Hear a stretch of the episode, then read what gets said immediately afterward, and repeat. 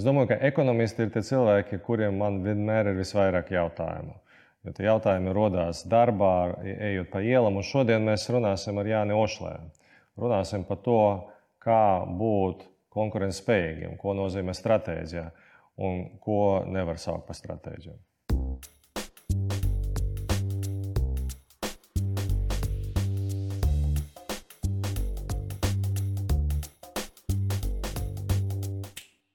Labdien, Jānis. Labdien, Maksim.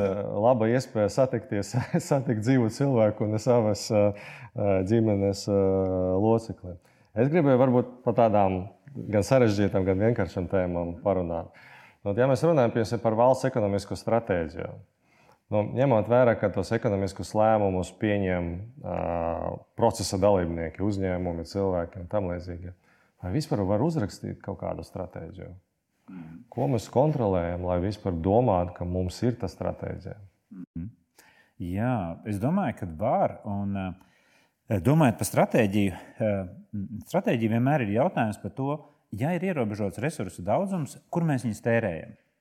Un ir skaidrs, ka, ja mums ir ierobežots resursu daudzums un mēs mēģinām visur viņus iztērēt, tad mums sanāk tā, ka drusciņi visur kas neatstāja nekādu iespaidu, un mēs esam vienkārši izsmērējuši naudu, resursus, līdzekļus, laiku dažādām lietām, bet sasnieguši jau neesam neko. Ehm, stratēģija līdz ar to ir par to, ko darīt, un arī ļoti svarīgi, ko nedarīt, ehm, lai mēs tiktu uz priekšu kaut kur. Kam veltīt resursus, naudas un laika, kam neveltīt? Nu, pie, piemērs ne? Rīgas lidostā. Man ļoti patika nu, tie laiki, kad bija tur divi, divas, trīs kompānijas, kuras ar taksometru tevi aizved yeah. uz pilsētu. Ja? Nu, tad bija tas lēmums, ka nu, tikai tas divas, trīs kompānijas, un pēc tam bija tiesas spriedums, ka nu, nedrīkst. Un tad sanāk, ka no vienas puses mēs gribam konsolidēt tos resursus, un šeit tas resurs bija tā lidostas nauda, taksometra nauda, un, un, un tad valsts nu, bija vispār nebija tiesīga šāda veida konsolidēt. Un, manuprāt, katru reizi, kad mēs runājam par kaut kādu izglītības stratēģiju, ekonomisku stratēģiju, tas ir tas, par ko mēs atduramies. Ja? Nu, it kā gribētos, bet nu, baigu tiesību nav un gribētāju ir daudz. Nu, kā to praktiski var atrisināt? Jā, es domāju, es domāju tas nu, lidos taksometra analoģija ir interesanta tādā ziņā, jo, manuprāt, no lietotāja viedokļa Tad, kad mēs atcēlām šīs divas kompānijas, kas tur apkalpot uh, lidostu Rīgā, viss pasliktinājās. Palika tikai sliktāk. Palika Jā. dārgāk, Jā. sliktāk, sliktākas mašīnas, milzīga neusticība. Neapmierināt man ārzemju partneri, kur atbrauc uz Rīgā un saņēma ne, nenormālus rēķinus. es biju spiests iet cīnīties ar taksometru vadītājiem, tērēt savu laiku un nervus. Šausmas. Un tāpat laikā it kā taisnīgi, tāpēc, ka nu, pēkšņi visi var piekļūt. Nu, tas ir taisnīgi. Jā. Un tad likās, tas ir taisnīgi. Bet kā sabiedrība mēs pazaudējām. Un man šķiet, ka arī jebkurā stratēģijā nu, ir tā, ka kaut, kas, kaut ko mēs izvēlamies, tad vienam kaut kam tiek, tad otram kādam netiek. Un tad varētu teikt, nav taisnīgi. Bet es domāju, ka taisnīgumu mēs nevaram atrisināt e, tādā veidā, ka mēs e, izveidojam. Mm, mm, Bet taisnīgums mums jāatrisina citādi. Taisnīgums mums ir jāatrisina pārdalot to naudu, kura ir nopelnīta taisnīgākā veidā. Bet taisnīgums nevar būt tajā veidā, kā nauda tiek radīta. E, tad, kad mēs izvēlējāmies šīs divas kompānijas, un viņas radīja labāku servisu, labāku apkalpošanu, dēļ tā, ka viņas varēja mērogot savu kopējo apjomu, un dēļ mērogošanas, dēļ tā, ka viņas bija tikai divas kompānijas, viņas varēja atļauties nodrošināt vienmēr pienācīgu daudzumu taksometru kas bija pēc tam problēma, kad viņi paliek brīvajā tirgu, jo es pats esmu stāvējis pie lidostas un nav neviena, un kad atbrauc, tad prasa nenormālu naudu. Viņas varēja nodrošināt pienācīgu daudzumu resursu, viņas varēja ar mērogošanas palīdzību to izdarīt lētāk, labāk, kvalitatīvāk. Un, un tas ir pareizais veids, kā radīt vērtību. Cits jautājums ir par taisnīgumu attiecībā par to, ka visiem sabiedrības locekļiem no šīs organizācijas būtu jāgūst. Bet tas ir jautājums par to, kā mēs pārdalām radīto naudu. Es uzskatu, ka naudas radīšanas ziņā, tajā veidā, kā tiek organizēta ekonomika, lai rastos nauda, e, tur, tur nav, tur, tur uzvara nu, dažas kompānijas, tās, kuras tiešām rada šo vērtību uh mhm. -huh. vai nozars. Kad liekas, stratēģija ir stils, Un, ja viņiem paskatīties uz digitālo Igaunijas stratēģiju, tad viņi vienojās par kaut ko un pēc tam to realizēja. Ja mēs paskatāmies uz Latvijas stratēģiju, tad ir mēģinājums vienoties, nu, ka tas ir labāk, piemēram, ar to lidostu, bet nu, kaut kā realizēt to nesanāca. Jo tad visi mēģina katrs pa savu. Bet no otras puses, tad, kad mēs, konsolē, tad, kad mēs veidojam savu tirgu, ļoti atvērtu tirgu, nu, kā ar Air Baltica, Air Baltica konkurē nu, no mums neatkarīgā tirgu, tur mēs vinējam. Vai ir kaut kas tāds, kas var padoties Igauniem un nepadoties Latvijā? Es domāju, ka Latvijas eh, stratēģijā ir tā, ka mums ir vairāki labi dokumenti par to, kādā veidā stratēģiju izveidot. Ir gan nacionālās industrializācijas plāns, nacionālās attīstības, nacionālās politika, nacionālās attīstības plāns, ir valdības Covid pārvarēšanas stratēģija, kur visi ir ļoti labi uh, dokumenti. Bet trūkst uh, varbūt skaidras tāda mehānisma, kā viņi tiek ieviesti un piekoriģēti. Un es domāju, ka mūsdienu pasaule jo īpaši, bet arī jo īpaši pēc Covid krīzes, bet arī jau pirms, ir raksturīga ar to, ka viņa ļoti strauji mainās.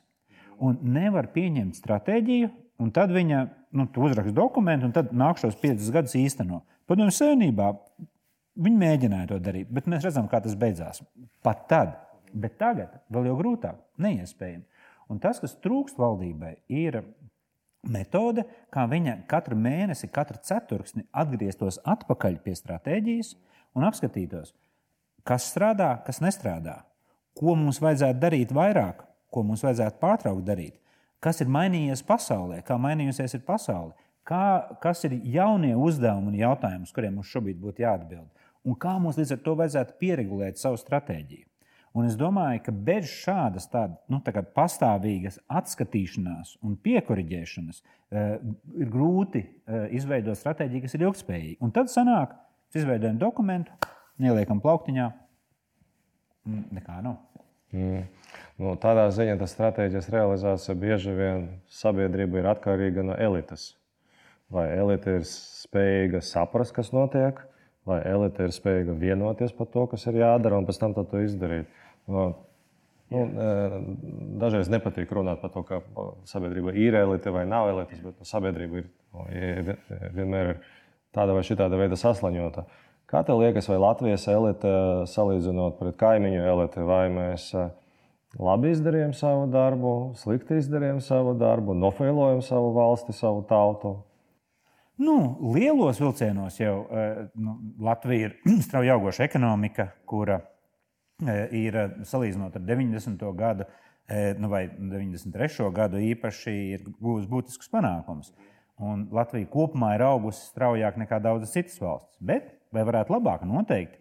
Mēs varam paskatīties, piemēram, uz Lietuvu, un, kura īpaši pēdējos gados ir strauji izrausies, nu jau apsteidz pat Igauniju, ienākumā uz vienu iedzīvotāju. Vai mēs varētu labāk kā Lietuva vai Igaunija? Noteikti ir kur pacensties. Nu, tas ir tas salīdzinājums, jo no vienas puses, nu, teiksim, uh, nu, mūžīgi salīdzināt ar 93. gadu nu, visdrīzāk nevar. Un kā tavuprāt, kurā gadā vajadzētu piebeigt salīdzinājumu ar Padomju Savienību? jā, jā, es atceros, ka Padomju Savienības grāmatās uh, viss bija rakstīts līdz 1913. gada. jā, jā, es domāju, mēs tāpat turpinām. Bet uh, es personīgi domāju, ka mums jāskatās. Ir, To, ko mēs varam paveikt, un uh, nesties atpakaļ, mēs, kur mēs varam būt Es esmu pārliecināts, ka ar mūsu izglītības sistēmu, cilvēkiem, infrastruktūru, atrašanās vietu un visu mēs mierīgi varam būt Eiropas vidējā līmenī un virs tā. Tas, tas ir ļoti viegli sasniedzams. Es, es esmu pārliecināts par to.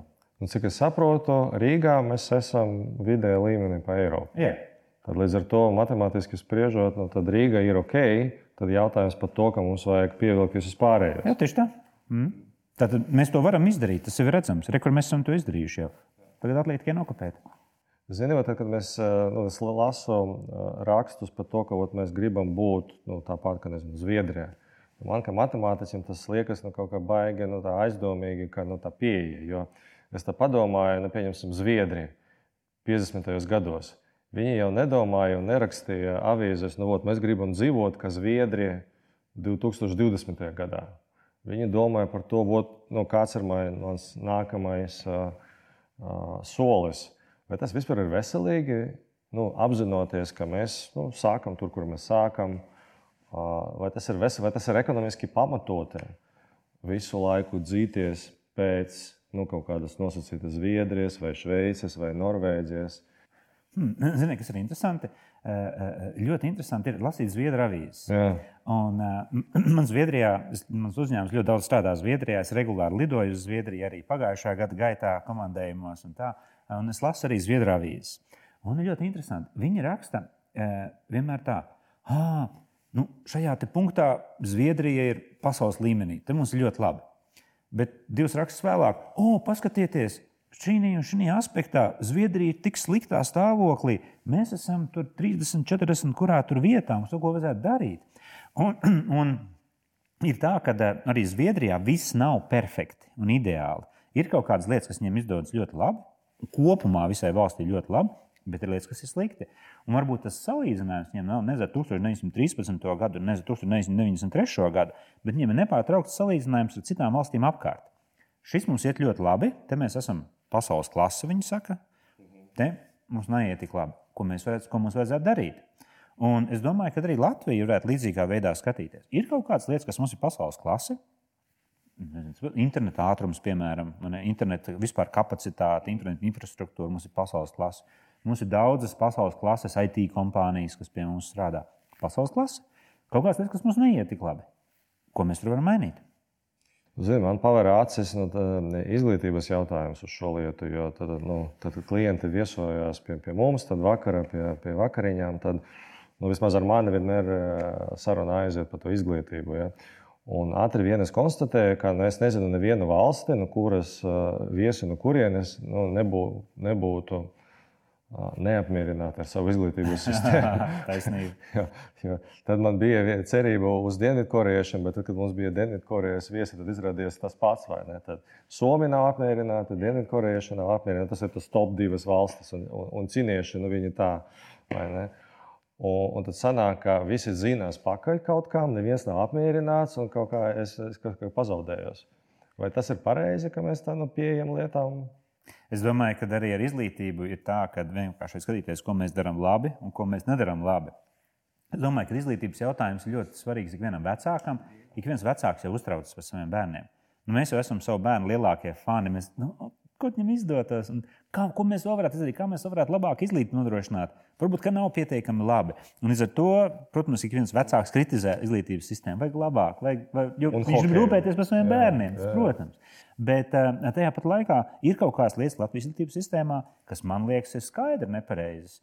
Piemēram, tas, ka kā, STEM mācību priekšmeti nav obligāti, visiem netiek apgūti vidusskolā.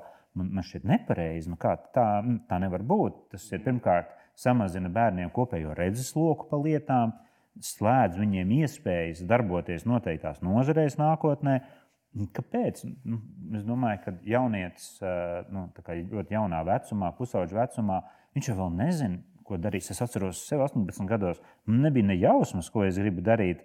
Un, un noteikti es pat nesapņoju par tām profesijām, kurās es esmu nokļuvis. Bet te es esmu. Un es tikai priecājos, ka man bija iespēja apgūt matemātiku, fiziku, ķīmiju.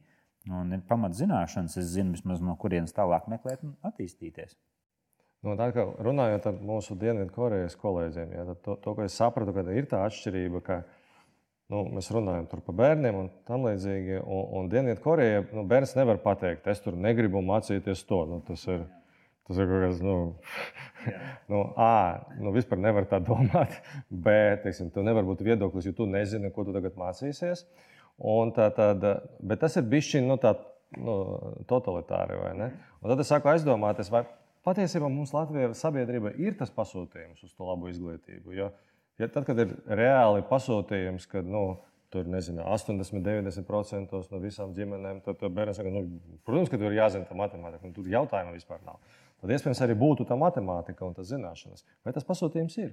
Varbūt, ka pasūtījumu nav, un varbūt tas saistās arī ar to, ka Latvijā ir relatīvi neliels daudzums rūpniecības uzņēmumiem. Līdz ar to mhm. mazs skaits vecāku, kur strādā kuri saprot, kas notiek rūpniecībā, kādā veidā viņi darbojas. Un tad viņiem varbūt ir tāds priekšstats, ka tur ir nezinu, kaut kā viss slikti vai netīri, bet tā nav.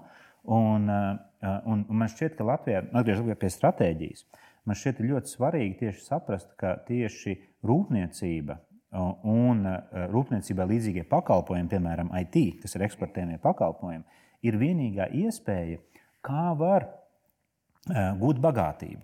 Jo bagātība, kas ir bagātība?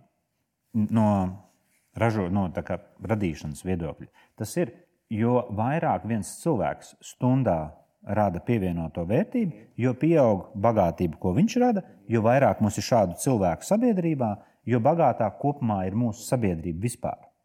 Līdz ar to mērķis mums ir radīt vairāk uzņēmumus, kuros pievienotā vērtība stundā ir augstāka.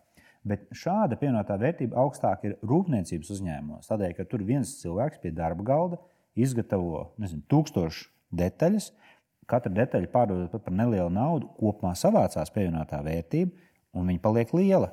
IT uzņēmumā viens cilvēks uzraksta appu, bet tad viņš tiek izplatīts tūkstošos vai miljonos kopiju, un pievienotā vērtība katrai viņa stundai, kur viņš veltīja šī appa rakstīšanai, ļoti liela. Tā arī rodas bagātība. Un tāpēc ne, visi, ne visas nodarbošanās ir vienādas no sava potenciāla, kā viņas var radīt bagātību. Rūpniecībai augsts potenciāls, IT augsts potenciāls, citiem eksportējumiem līdzīgi veidu pakalpojumiem augsts potenciāls. Bet, piemēram, nezinu, lauku turismam ļoti laba nodarbošanās, brīnišķīga lieta laukos. Es baudu tur būt, zemes potenciāls ļoti bagātiem. Tātad, ja mums ir jāizvēlās, kā mēs kļūstam bagāti, tad mums, mēs varam ļoti skaidri sadalīt. Tātad mēs vēlamies attīstīt tās sektors, kuros mēs kļūstam bagāti, ar viņu palīdzību kļūt bagāti, un tad šie cilvēki paši pa sevi attīstīs citus sektorus, kuri viņiem sekos.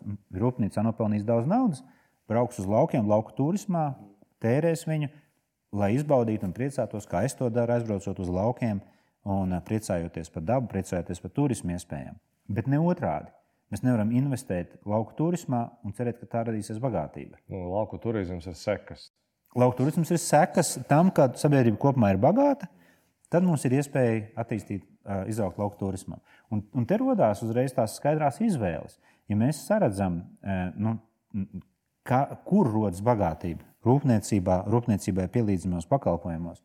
Eksportā, tādēļ, kad eksportā apjomi ir iespējams nesalīdzinām lielāki nekā uz vietas, tad ir viegli iespējams izveidot stratēģiju. Tātad mēs vēlamies rūpniecības pakalpojumus eksportā. Tas ir tas, kur mēs liekam uzsvaru. Pārējais izaugs tādēļ, ka viņi kļūst bagāti. Bet tas sanāk, ka šodien mūsu ekonomika ir salīdzinoši vienkārša. Ja mēs nodarbojamies bieži vien ar tādām vienkāršām lietām. Jā. Un tad desmit gadus atpakaļ mēs nodarbojamies ar vēl vienkāršākām lietām, Jā. ar vēl mazāku pievienotu Jā. vērtību. Ja? Un, ja mēs skatāmies uz ekonomikas attīstību, nu, arī ne, ne ekonomista jautājums, ja? tad nu, tā klasiskā teorija starptautiskam valūtas fondam 20, 30 gadus atpakaļ, nu, pēc būtības bija eksporta orientēta. Izaugsme, ļoti cieša valūtas kontrole. Un, un, un, nu, godīgi sakot, tas nenostrādāja. Viņi paši atzina, ka nu, nav tā, ka viss no tā darbojās. Ja mēs skatāmies piemēram, uz to pašu Koreju vai to, to pašu Ķīnu, viņi attīstīja savas valstis, strādājot pavisam savādāk no tās klasiskas ekonomiskas pieejas. Tad, kā tev liekas, no, skatoties, raugoties šodien ar Grieķijas pieredzi, ar pieņemsim, Āzijas pieredzi, kur izdevās attīstīt, ar Afrikas pieredzi, kur nu, tā ļoti nu, tā vāji izdevās Eiropā attīstīt. Nu, kā būtu jāveido to attīstības pieeju? Hmm. Nu, es gribētu nedaudz iebilst tev mhm. šeit un uh, pateikt, ka noteikti eksporta vilkta attīstība noteikti ir metode, kādā visstraujāk valsts attīstās. Ir Pasaules bankai ļoti brīnišķīgs pētījums par valstīm, kuras ir augušas ātrāk kā 10% gadā, vai, eh, vairāk kā 20 gadus no vietas. Un, uh, ir vairāk kā 7% gadā, vairāk kā 20 gadus no vietas. Ir šādas valstis, un viņas ir daudz, viņas ir visos kontinentos, viņas ir gan Eiropā, gan Āzijā. Tāpat, piemēram, Koreja. Uh, viņas, vis, viņas visas vieno tas, ka viņas ir augušas attīstot nozares, kurās ir iespējams darba ražīguma pieaugums, tā kā es minēju, rūpniecība vai pakalpojumu eksports, ko es minēju, darba ražīguma pieaugums, un viņas visas ir augušas ar eksportu. Jo tad eksports dod iespējas bezgalīgā daudzumā pārdot un līdz ar to bezgalīgi daudz pelnīt. Latvijā strādājošs uzņēmums ir ierobežots ar kopējo tirgus apjomu. Mēs varam pārdot tikai tik nu, preces, cik Latvijā ir iedzīvotāji. Bet apkārt mums ir nesalīdzinām vairāk patērētāju potenciālu. Līdz ar to koncentrēties uz šiem patērētājiem, ir iespējas pārdot nesalīdzinām vairāk no katra patērētāja pelnīt, un līdz ar to arī valstī kļūt bagātai.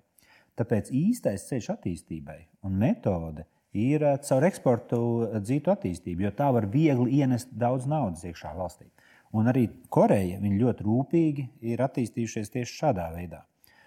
Um, pieminēja arī um, kā, valūtas kontroli. Man liekas, ka ir varbūt divi veidi vai stratēģijā, kā var palielināt šo pievienoto vērtību. Viens veids ir samazinot izdevumus, un otrs ir palielinot ienākumus. Un, eh, lai samazinātu izdevumus, tad viena metode ir ražot pēc iespējas lielākos apjomos, bet otra arī ir turēt kopējo cenu līmeni zemu. Un tas, ko daudzas valstis dara, kuras sekmīgi attīstījās, viņas tur zemu kā, valūtas kursu. Mums vairs nav valūtas kursa, mēs esam tagad Eirozonā. Bet ko mēs varam darīt? Mums ir jāskatās līdz ar to, kādas ir resursu cenas ražošanas uzņēmumiem un tiem uzņēmumiem, kas strādā eksporta pakalpojumos, Un jāvēro, lai šīs val, e, resursu cenas būtu zemākas nekā tirgos, ar kuriem mēs tieši konkurējam. Un es domāju, ka šobrīd mēs esam pieļāvuši lielu kļūdu, nosakot elektroenerģijas cenas augstākas e, nekā e, konkurējošajos tirgos. Piemēram, Zviedrijā ir lētāka elektroenerģija nekā Latvijā, tāpēc daudzas rūpnīcas tiek būvētas Zviedrijā, nevis Latvijā. Tas pats attiecās uz darba spēku, darba spēku nodokļu cenām, kas ir resurss, kas ir piemēram IT uzņēmumiem un tā. Un mums jāvēro, lai nu, pašizmaksas līmenis būtu tāds, ka uzņēmumi var sekmīgi konkurēt. Un tad, tas ir no izmaksu viedokļa. Un no ienākuma viedokļa es domāju, ka mums ir jāvelta vairāk valsts resursu tam, lai mēs attīstītu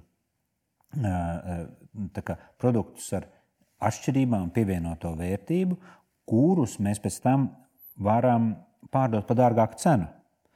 Un Tātad es redzētu stratēģiju varbūt divos virzienos. Viens virziens domāt, kā mēs varam samazināt izdevumus, izēju materiālu, izēvielu, izēju darba spēka cenas no vienas puses, un no otras puses, kā mēs varam atļaut uzņēmējiem palielināt ienākumus, nonākt nākošajā attīstības fāzē, vairāk resursu RD, vairāk apmācītu cilvēku, piemēram, IT uzņēmumiem un, un, un, un tā.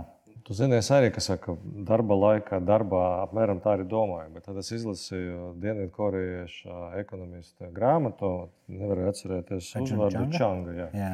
Un tad viņš tur raksta par to, par tām trepēm. Jā. Un otras puses ir tas arī pazīstams ekonomists Valersteins. Ja? Viņš saka, ka nu, tie, tas valstis, kuri ražo kaut kādu intelektuālu kapitālu, viņi pa bišķiņu atdod uz periferijām. Jā un tad periferijas ir kaut kas. Bet tas, tas, kas tur ir, nav interesanti. Un tad, to, ko es redzu, nu, tīpaši tagad, pēdējos divos, trijos gados, skatoties uz Ķīnu, viņi visticamāk lieliski saprata šo mehānismu. Viņi lieliski saprata, ka ne pie kā interesanta viņi nenonāks. Tas čanks, viņš raksta, ka tas pats bija ar Koreju. Un viņi nu, pēc būtības paklusām šo procesu salauza un izdarīja tā, ka pie viņiem ir tas intelektuālais kapitāls. Jā. Es par šo tēmu vairāk jautāju. Jā, es domāju, ka tā ir nu, ļoti pareiza konceptuāla pieeja. Un, un tas ir jautājums arī par to, kādā veidā skatīties uz, uz ārvalstu investīcijām un, un kādā veidā skatīties uz ražošanu kopumā. Un, pareizā metode ir no sākuma ir jāiemācās pamats ja cilvēki, mēs vispār nestrādājam ražošanā, mēs nevaram uzreiz sākt ražot, nezinu, kosmosa kuģis. Nav iespējams. Jāsaka, kaut ko vienkārši ir. Varbūt mēs no sākuma varam metināt kaut kādas detaļas priekš viņiem, kaut ko ļoti vienkārši darīt. Bet tad, nāku, bet tad sākot to darīt, pārņemot apakšu uzņēmumā un veidot faktiski izrīkojot perifērijas zonā, esot un, un, un vienkārši montējot intelektuālo īpašumu, ko citi ir radījuši, Mēs varam iemācīties, kas tur notiek, un tad Taivāna, Dienvidkoreja, ļoti daudz Ķīna ļoti apzināti veidā atbalstīja vietējos cilvēkus, kuri mēģināja uzsākt kopēt to pašu, kas tiek darīts. Piemēram, ir kaut kāda rūpnīca izveidot šeit, kas kaut ko dara noteiktā veidā, un tur ir cilvēki, kas ir iemācījušies to tā darīt, vai mēs varam panākt, ka no, vai nu šie, šī pati rūpnīca tiek labāk apgādāta ar resursiem un sāk jau kaut ko labāk darīt, vai viņā strādājošiem cilvēkiem dodam iespējas izveidot pašiem savu rūpnīcu šeit, kaut ko līdzīgu, kur viņi uzsāk darboties. Latvija ir tik maza un visa pasaule ir tik liela mēs jau arī neradām nekādas milzīgas konkurences problēmas uh, cilvēkiem. Nē, nē. Bet tā ir baigta iespēja. Jā. Bet tā ir milzīga Mēs iespēja. varam kļūt bagāti, neradot uh, draudus citiem. Nē, kas ir ļoti jā, Nevar neuzdot vēl vienu jautājumu. Tad es ik pa brīdim lasu lekcijas, un tad man viena reize sanāca nu, tāds strīds ar studentiem, kurš nu, sanāca tāds karsts strīds. Jā. Ja? Tad bet mans apgalvojums, uz ko norēģēja tur visam 50, 70 cilvēku auditorijai, bija, ka Latvijas sieram gandrīz nav iespējams ienākt Francijas tirgu. Apgalvojums. vai ne? Un tad, tad visi sāka strīdēties ar mani, ka nu, nē, tas tā nevar būt, un tad nu, visi gaida mūsu sieru un tam līdzīgi. Es kaut kā speciāli tad, nu, iespējams, tad izvēlējos, jo, zini, kā tad, kad sēž pie galda atkal vakarā, tad Jā. visi stāsta, ka mums ir brīnišķīga maize. jā, jā, Un jā. tad, jebkurā valstī tev stāsta, ka tā maize ir brīnišķīga un unikāla. Un katram cilvēkam tā maize jau ir Jā. unikāla sava. Vai ne? Bet tad, kad tu sāk eksportēt citiem, nu, tad tur kaut kā ir jābūt nu, tādai realistiskai izpratnē, vot, ko tu vari pārdot. Kā tev liekas, nu, vot, tas narratīvs? Un tā arī ir tā tēma ekonomika tagad. Cik lielā mērā tas nacionālais narratīvs vai sabiedrības narratīvs ietekmē sabiedrības spēju kļūt bagātiem? Cik lielā mērā tev liekas, mēs esam realistiski, nerealistiski nu, vot šajā narratīvā? Jā, es, es, nu, es domāju, jā, ka es esmu pārliecināts, ka ik viens cilvēks var izdarīt jebko. Un uh, var arī pārdot sieru Francijā, uh, ja vien viņš vēlās. Uh, nesaredz tur nekādas problēmas. Un, uh, es pat domāju, ka tur ir daudz iespēju, ņemot vērā, cik ļoti regulēts ir uh, siera tirgus un cik daudz viņiem patīk sieras.